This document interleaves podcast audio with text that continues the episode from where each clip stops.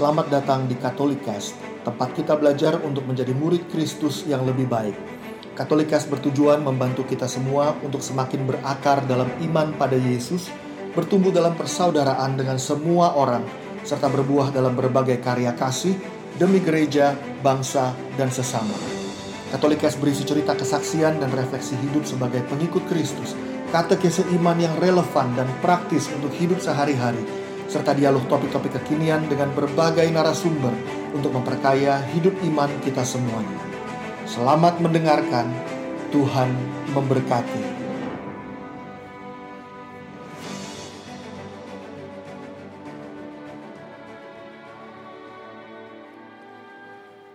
Kita jumpa lagi di dalam refleksi bacaan hari Minggu dan kali ini kita akan bersama-sama membaca dan merefleksikan bersama dari bacaan Minggu 6 Juni 2021. Kali ini adalah Hari Raya Tubuh dan Darah Kristus. Bacaan pertama diambil dari kitab Keluaran bab 24 ayat 3 sampai 8. Ketika Musa turun dari Gunung Sinai dan memberitahukan kepada bangsa Israel segala firman dan peraturan Tuhan, maka seluruh bangsa itu menjawab serentak, segala firman yang telah diucapkan Tuhan itu akan kami laksanakan. Lalu Musa menuliskan segala firman Tuhan itu. Keesokan harinya pagi-pagi didirikannya lah mesbah di kaki gunung itu dengan 12 tugu sesuai dengan kedua belas suku Israel. Kemudian disuruhnyalah orang-orang muda dari bangsa Israel mempersembahkan kurban bakaran dan menyembelih lembu-lembu jantan sebagai kurban keselamatan kepada Tuhan Sesudah itu Musa mengambil sebagian dari darah itu, lalu ditaruhnya ke dalam pasu, sebagian lagi dari darah itu disiramkannya pada mezbah itu. Lalu diambilnya kitab perjanjian itu dan dibacakannya dan bangsa itu mendengarkan. Lalu mereka berkata, segala firman Tuhan akan kami laksanakan dan kami taati. Kemudian Musa mengambil darah itu dan memercikannya kepada bangsa itu seraya berkata, Inilah darah perjanjian yang diikat Tuhan dengan kamu berdasarkan segala firman ini. Bacaan kedua diambil dari surat kepada jemaat di Ibrani bab 9 ayat 11 hingga 15. Saudara-saudara terkasih, Kristus telah datang sebagai imam agung demi kesejahteraan masa yang akan datang. Ia telah melintasi kemah yang lebih besar dan lebih sempurna, yang bukan buatan tangan manusia, artinya yang tidak termasuk ciptaan ini, dan ia telah masuk satu kali untuk selama-lamanya ke dalam tempat yang kudus, bukan dengan membawa darah domba jantan dan darah anak lembu, tetapi dengan membawa darahnya sendiri. Dan dengan itu ia telah mendapat pelunasan yang kekal. Sebab jika darah domba jantan dan lembu jantan dan percikan abu lembu muda mampu menguduskan mereka yang najis, sehingga mereka disucikan secara lahiriah, betapa lebihnya darah Kristus yang atas dorongan roh abadi telah mempersembahkan dirinya sendiri kepada Allah sebagai persembahan yang tidak bercacat. Betapa darah ini akan menyucikan hati nurani kita dari perbuatan-perbuatan yang sia-sia supaya kita dapat beribadah kepada Allah yang hidup. Karena itu, Kristus adalah pengantara dari suatu perjanjian yang baru, supaya mereka yang telah terpanggil dapat menerima bagian kekal yang dijanjikan. Sebab ia telah mati untuk menebus pelanggaran-pelanggaran yang telah dilakukan selama perjanjian yang pertama. Bacaan Injil diambil dari Markus bab 14 ayat 12 hingga 16, ayat 22 hingga 26. Pada hari pertama dari hari raya roti tidak beragi, pada waktu orang menyembeli domba Paskah, murid-murid berkata kepada Yesus, "Ke tempat mana engkau kehendaki kami pergi untuk mempersiapkan perjamuan Paskah bagimu?" Lalu Yesus menyuruh dua orang muridnya dengan pesan, "Pergilah ke kota." Di sana kamu akan bertemu dengan seorang yang membawa kendi berisi air. Ikutlah dia dan katakanlah kepada pemilik rumah yang dimasukinya, Guru berpesan, di manakah ruangan yang disediakan bagiku untuk makan Paskah bersama-sama dengan murid-muridku?' Lalu orang itu akan menunjukkan kepadamu sebuah ruangan yang besar yang sudah lengkap dan tersedia. Di situlah kamu harus mempersiapkan perjamuan Paskah untuk kita. Maka berangkatlah kedua murid itu. Setibanya di kota, didapati mereka semua yang dikatakan Yesus kepada mereka. Lalu mereka mempersiapkan Paskah.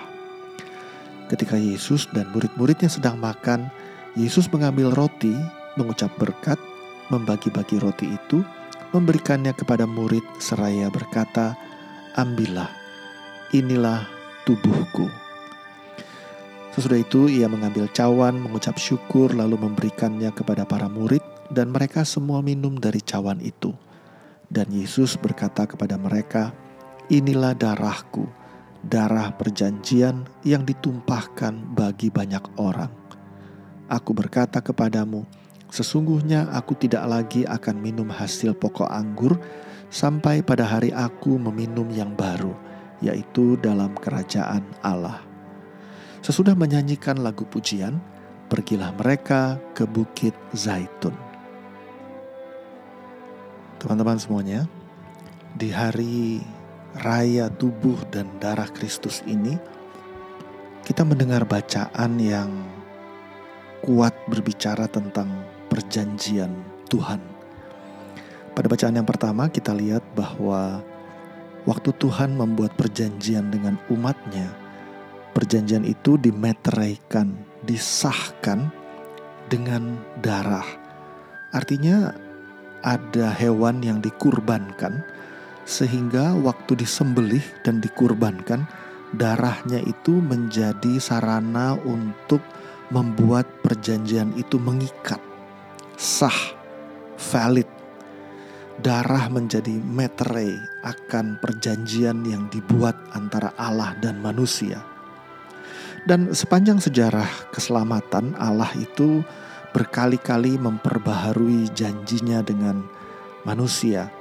Uh, Adam dan Hawa, lalu dengan Nuh, dengan Abraham, dengan Musa yang tadi kita baca, lalu juga melalui Daud dan pada akhirnya pada perjanjian baru yaitu di zaman Yesus. Kita lihat pada bacaan Injil, Yesus mengatakan, "Inilah darah perjanjian yang ditumpahkan bagi banyak orang." Yesus bilang, "Perjanjian ini adalah perjanjian yang dibuat oleh Tuhan dan manusia." Dan yang dikurbankan kali ini bukan domba atau lembu, tetapi Yesus sendiri yang dikurbankan. Dan darah Yesus itu akan menjadi meterai, tanda yang sah, kepastian bahwa janji Tuhan ini pasti akan terjadi. Dari pihak kita, kita menepati janji kita untuk menjadi anak-anak yang setia dari pihak Tuhan, Tuhan berjanji dia akan menjadi Bapa yang juga setia dan memelihara kita. Dan perjanjian itu diwujudkan lewat kurban Kristus yang menebus dosa kita. Maka kita temukan pada bacaan kedua, surat Ibrani mengatakan bahwa jika darah domba jantan dan lembu jantan dan percikan abu lembu muda mampu menguduskan mereka yang najis, sehingga mereka disucikan secara lahiri, lahiriah, betapa lebihnya darah Kristus yang atas dorongan roh abadi telah mempersembahkan dirinya sendiri kepada Allah sebagai persembahan yang tidak bercacat. Betapa darah ini akan menyucikan nurani kita dari perbuatan-perbuatan yang sia-sia supaya kita dapat beribadah kepada Allah yang hidup. Jadi kalau di perjanjian lama, setiap perjanjian yang dimeteraikan dengan dengan darah itu begitu mengikat dengan kuatnya dan apalagi setiap kurban itu juga darahnya bisa menutupi dosa-dosa mereka, betapa lebih hebatnya darah Yesus. Karena darah Yesus adalah darah yang dipersembahkan oleh Yesus secara sukarela karena cintanya kepada Bapa Ini kurban yang murni, ini kurban yang tidak bercela, ini kurban yang sempurna. Maka kurban ini sanggup membebaskan dosa kita selama-lamanya, bahkan memurnikan nurani kita, sehingga hidup kita bisa beribadah kepada Allah dengan benar. Maka, dengan kata lain, darah Yesus itu mampu untuk mengubah hidup kita dari kegelapan kepada terang, dari maut kepada hidup yang kekal, dari hidup yang sia-sia kepada hidup yang bermakna. Lalu di mana kita bisa berjumpa dengan kuasa darah Tuhan ini? Ekaristi. Setiap kali kita mengikuti Ekaristi, kita bertemu, berjumpa, bahkan bersatu dengan tubuh dan darah Tuhan yang penuh kuasa, yang begitu agung.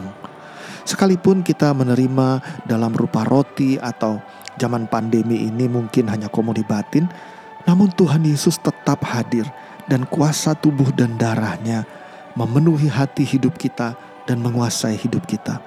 Maka jangan sekedar ikut ekaristi demi ritual, tetapi hayati, jumpai Yesus di sana, imani Yesus yang hadir lewat komuni kudus atau bahkan komuni batin. Dan dengan demikian ada kuasa Tuhan yang mengubah hidup kita, memurnikan hati kita, dan membawa kita sampai hidup kekal. Terima kasih telah mendengarkan podcast ini. Jangan lupa untuk berbagi Katolikes kepada para sahabat dan kenalan kita, supaya semakin banyak orang mengenal kabar gembira Tuhan Yesus dan mengalami kasihnya yang memulihkan, menguatkan, dan memberkati. Sampai jumpa di episode Katolik Cast yang lain.